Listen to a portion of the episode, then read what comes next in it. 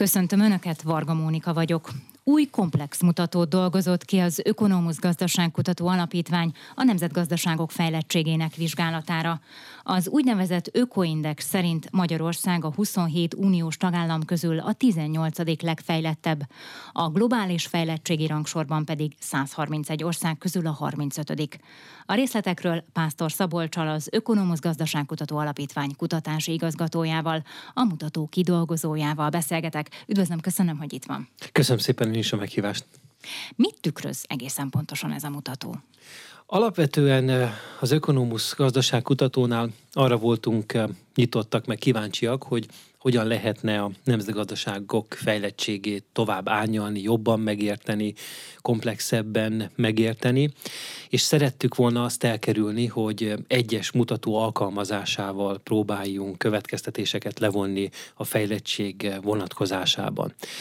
Úgyhogy egy olyan mutató készült, ami 25 faktor segítségével, ezek gazdaságiak, társadalmiak, illetve politikai fejlettséget mutató mutatók, tehát 25 faktor segítségével árnyaltuk az egyes országok teljesítményét, fejlettségét, jövőképét. Ez egy komplex mérőszám, és ez alkalmas arra, hogy az országokat is összehasonlítsuk, illetve a, az időbeli változást is nyomon uh, tudjuk uh, követni. Világbankos uh, számadatok állnak az egyes mutatók között, és uh, arra törekedtünk, hogy tényleg tehát komplex módon nagyon sok kérdéskört felvillantó mérőszámot kapjunk, ezek később súlyozásra kerültek, és röviden azt lehet tulajdonképpen összefoglalóan is mondani a kérdésre vonatkozóan, hogy ezzel a mutatóval sok mutatót magába foglalva egy komplex mérőszámot kapunk egyes országok fejlettsége, gazdasági teljesítménye kapcsán. Nagyon sok mutató van, ahogy ön is mondja. Hát ott van a legismertebb, a legtriviálisabb a GDP, de hát van a World Happiness Index, tehát a boldogság indextől elkezdve a Big Mac indexig, ami a Big Mac átlagárát veszi az áru és szolgáltatásárak összehasonlításának alapjául, gyakorlatilag minden.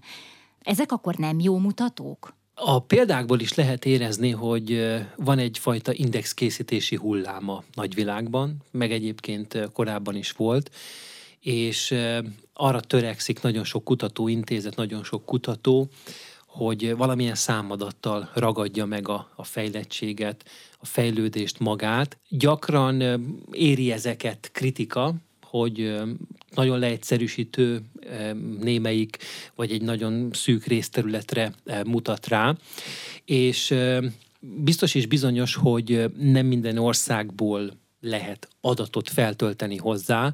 Úgyhogy azt látja egy kutató például, hogyha jól meg szeretné érteni egy nemzetgazdaságnak a teljesítményét, akkor érdemes többfajta mutatót legyűjteni, kigyűjteni, és azokat egymás mellett szerepeltetni, és különböző mutatók segítségével árnyalni például az, hogy hogyan néz ki a jogállamiság az adott országban, vagy hogy mennyi az elkölthető jövedelem, vagy hogy például milyen boldogok az emberek. Tehát minden mutató valamilyen területet azért jól bemutat, de nem tudja a gazdaság, a társadalom vagy a politikai rendszer összes szeletét, szegmensét lefogni, bemutatni. A GDP-vel, tehát a bruttó hazai termékkel is az a gond, hogy az csak a gazdaságot tudja leképezni? Igen, alapvetően a második világháború után kezdték eh, letenni az alapjait a gazdaság számbavételének, a GDP-nek, és eh, akkor amikor létrejött ez a System of National Accounts, tehát a nemzeti számlák rendszere, 53-ban az ENSZ égisze alatt Simon Kuznets vett egyébként eh, ebben a munkában részt, akkor képes volt ez a mutató jól leírni azt, hogy mennyi fizikailag megtermelt, kézzel fogható terméket állít elő egy gazdaság. Hány darabot, vagy hány kilogrammot valamilyen késztermékből. De ahogy teltek múltak az évek, és egyre inkább szolgáltatás alapúak lettek a különösen a legfejlettebb gazdaságok, úgy lehetett látni, hogy ez a régi és jól bevált metódus, ez egyre kevésbé jó, egyre kevésbé fenntartható, és ma már azért széles konszenzus van abban, hogy a GDP sok mindent mér, meg sok mindent megmutat, de nem tud egy teljes képet adni a nemzetgazdaságról. Biztos hallgatók közül is sokan emlékeznek például arra, hogy a volt francia elnök Nicolas Sarkozy hozott létre egy olyan bizottságot Stiglitz a Nobel-díjas közgazdász vezetésével, melyiknek az lett volna a feladata, hogy készítsen egy, egy GDP alternatívát, amiben például meg lehet jeleníteni a francia jólétet, és önmagában véve a francia életnek a hozzáadott értékeit, például a szabadidőt, a család, illetve a munkahely egyensúlyát, illetve hát azokat a gazdasági tevékenységeket is figyelembe kellett volna venni, ugye ez lett volna a kívánalom, amelyek eh, nem köthetők számbavételhez, vagy, eh, vagy azokból nem adódik valamilyen többlet jövedelem. Elbukott ez a kísérlet? Tulajdonképpen igen, eh, és azt láthatjuk, hogy azóta is vannak próbálkozások. Azért emlegetjük a GDP-t még most is, mert mindenki tudja, hogy nem a legjobb, de úgy nincs helyette jobb. És aki egy kicsit kritikusan követi az eseményeket, azért azt tudja, hogy igen, időről időre lejön ilyen és ilyen számadat az Eurostatnál vagy a Világbanknál. Vannak országok, amelyek jobban teljesítenek, vannak olyan országok, amelyek kevésbé, de ezek teljes képet, hű képet nem adnak a teljesítményről, árnyalják. Ha valahol jó a módszertan és jó a számbavétel, akkor jobban árnyalják a gazdaság teljesítményét, ahol elavult a módszertan, nincs a gazdaság szektorának minden eleme mérve, akkor ott meg rossz a számbavétel, ilyenek például a fejlődő országok, afrikai országok, például néhány szerző egyértelműen leírja, hogy nem is nagyon érdemes komolyan venni azokat a számadatokat, mert valamit ott mérnek régi módszerrel. Az Tehát nem... az sem egységes, ahogyan mérik a Igen, GDP alapjául szolgáló számokat. Igen, az sem egységes, és azért egy, egy német GDP adat azért legalább közelebb van a valósághoz, mint például egy, egy latinamerikai, vagy egyébként egy afrikai mutató. Ahogy ön is említette, egyre többen kezdtek el foglalkozni az elmúlt években, évtizedekben azzal, hogy a nem pénzügyi fejlettséget, tehát a társadalmi jólétet, a társadalmi fejlettséget valamilyen mutatóval megmutassák, illusztrálják. Ugye a legismertebbek, amit erre létrehoztak talán a, az HDI, az Emberi Fejlődés Indexe, vagy az HCI, a Humántőke Index. Ezek mit mutatnak meg pontosan, és ezek sem igazán jó mutatószámok akkor? A fejlődéssel foglalkozók örültek egyébként annak, amikor megjelent a HDI vagy HDI mutatója. Ennek az egyik komponense az egyfőre jutó jövedelem, az egyfőre jutó GDP. A másik komponens a születéskor várható élettartam. Itt akkor rögtön lehetett látni, hogy nem egy klasszikusan pénzügyi mutatót is beemelnek a, az érvelésbe. A harmadik pedig, hogy az iskolázottság szintje hogyan és miként alakul. És sokan erre azt mondták, hogy na igen, ez már egy komplexebb megközelítés, mert eh, például a születéskor várható élettartam tükrözi az egészséget, jólétet, például az egészségügy állapotát az adott országban, a iskolázottság pedig nyilván a, az iskolahálózatnak az állapotát, azt, hogy mennyire fontos a tudás az adott társadalomban. De hát mondhatjuk azt, hogy olyan nagy karriert nem futott be ez a mutató, hiszen hamar finomították tovább. Ha most valaki a legfrissebb statisztikákat böngészi, akkor magyarosan mondva HD mutató alatt már nincs is számadat, hanem ez a HCI mutató, ez a Human Capabilities Index az, ami megjelenik.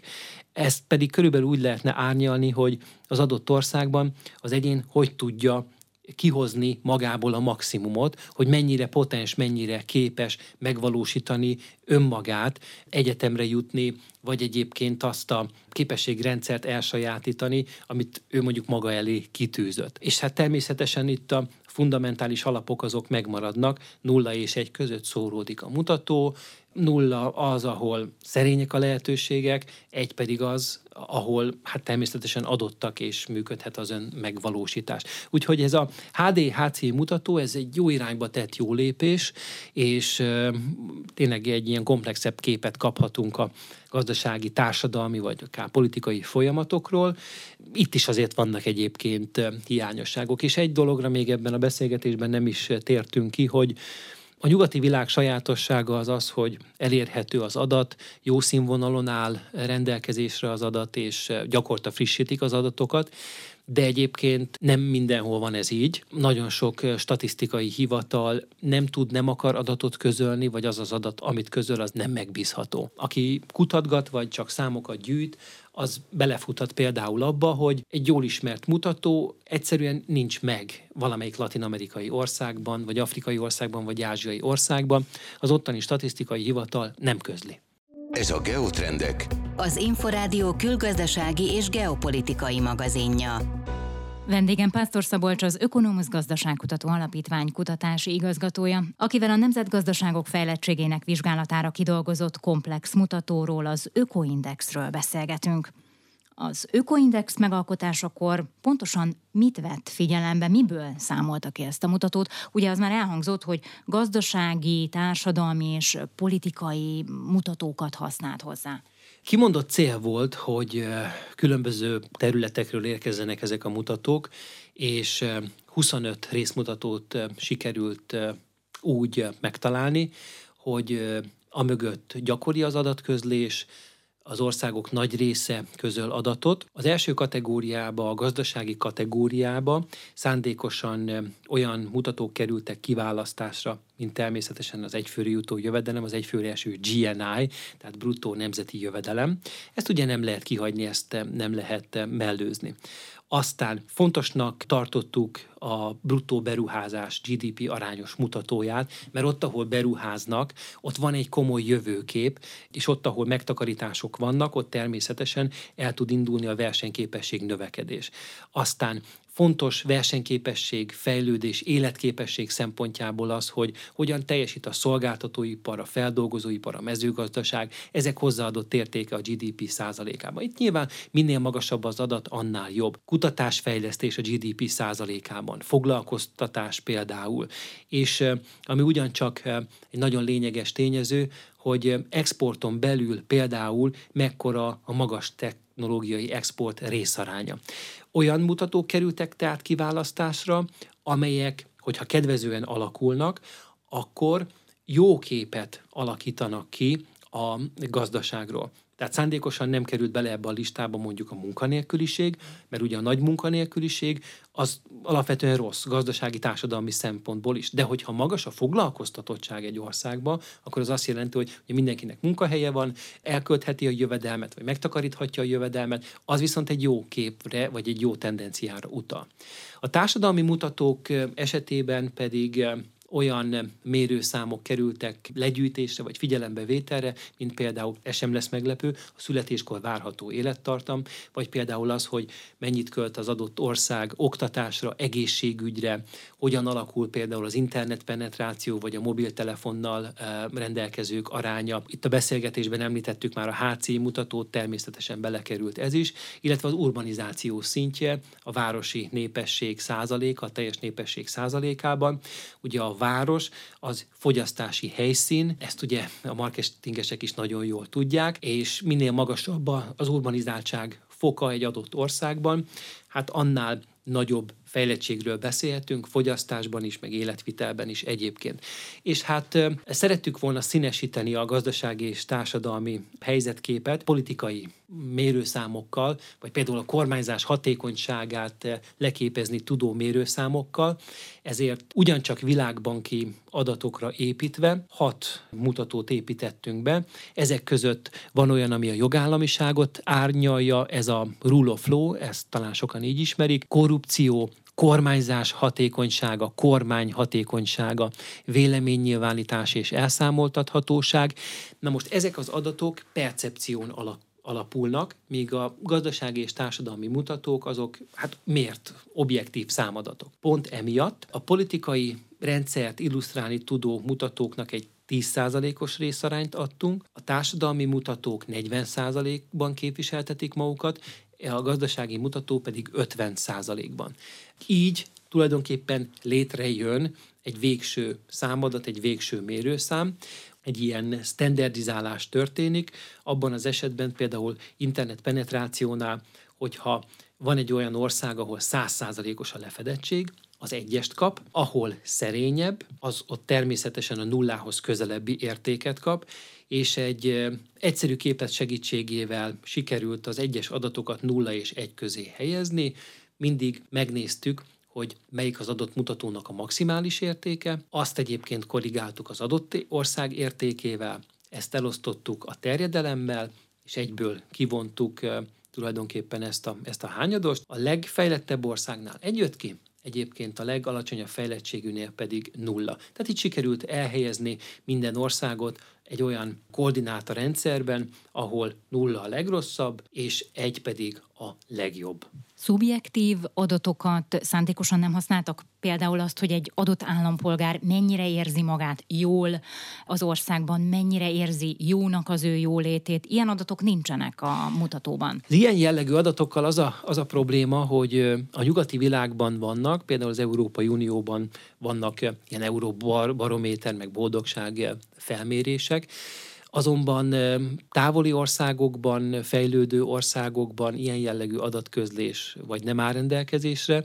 vagy nagyon hiányosak az adatok, vagy, vagy régiek egyszerűen az adatok. De természetesen gondolkodtunk azon, hogy hogyan lehet nem pénzügyi, nem gazdasági mutatókat beemelni még, amely ányalni tudja például a politikai rendszernek a legfontosabb jegyeit, jellemzőit, ezért esett a választásunk a Világbank World Governance Indicator csoportjára, vagy kategóriájára, és hát ebből ez származott. kormányzati index. Igen, igen, tulajdonképpen ez azt méri, hogy mennyire jó és hatékony, meg fenntartható a kormányzás.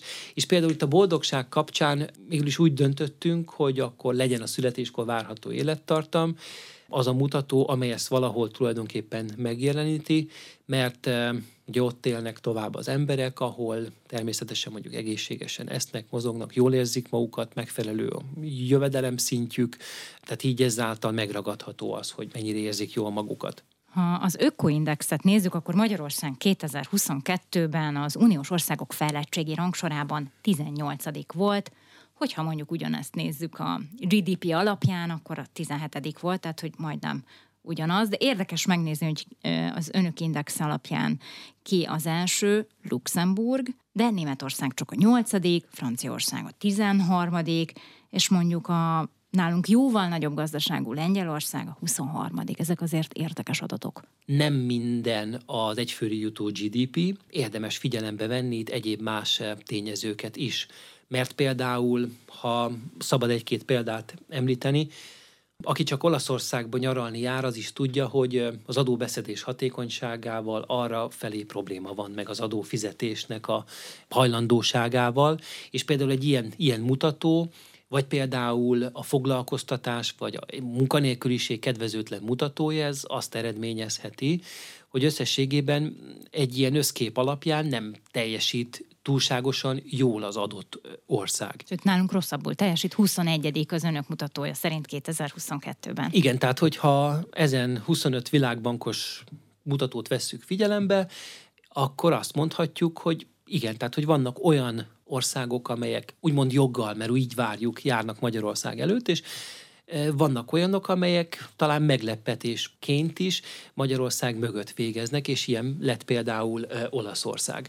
Ha pedig a globális rangsort nézzük, akkor Magyarország a 35. 131 ország közül GDP alapján 2022-ben az 57-ek lettünk van, tehát itt már nagyon nagy a differencia, és ami még érdekesebb, hogy az első helyen a globális rangsorban Szingapúr áll, a másodikon Puerto Rico, és csak a harmadik az Egyesült Államok. Mondjuk Szingapúr kevésbé meglepő, de Puerto Rico azért számomra meglepő, hogy hogy kerül a második helyre. Igen, te, Szingapúr az egyik legversenyképesebb gazdaság, fiatalok talán kevésbé tudják, hogy egy pár évtizeddel ezelőtt a brit birodalom egyik lesajnált szigete volt. Aztán komoly reformok eredményeképpen pénzügyi központtá vált az ország, high-tech iparáról ismert, híres. Talán nem túlzás azt mondani, hogy nagyon sokan a csodájára járnak a, a szingapúri modellnek, a fejlesztő állam modellnek egyébként. Na most ugye Puerto Rico az Amerikai Egyesült Államok része, és azt érdemes még hangsúlyozni, hogy egy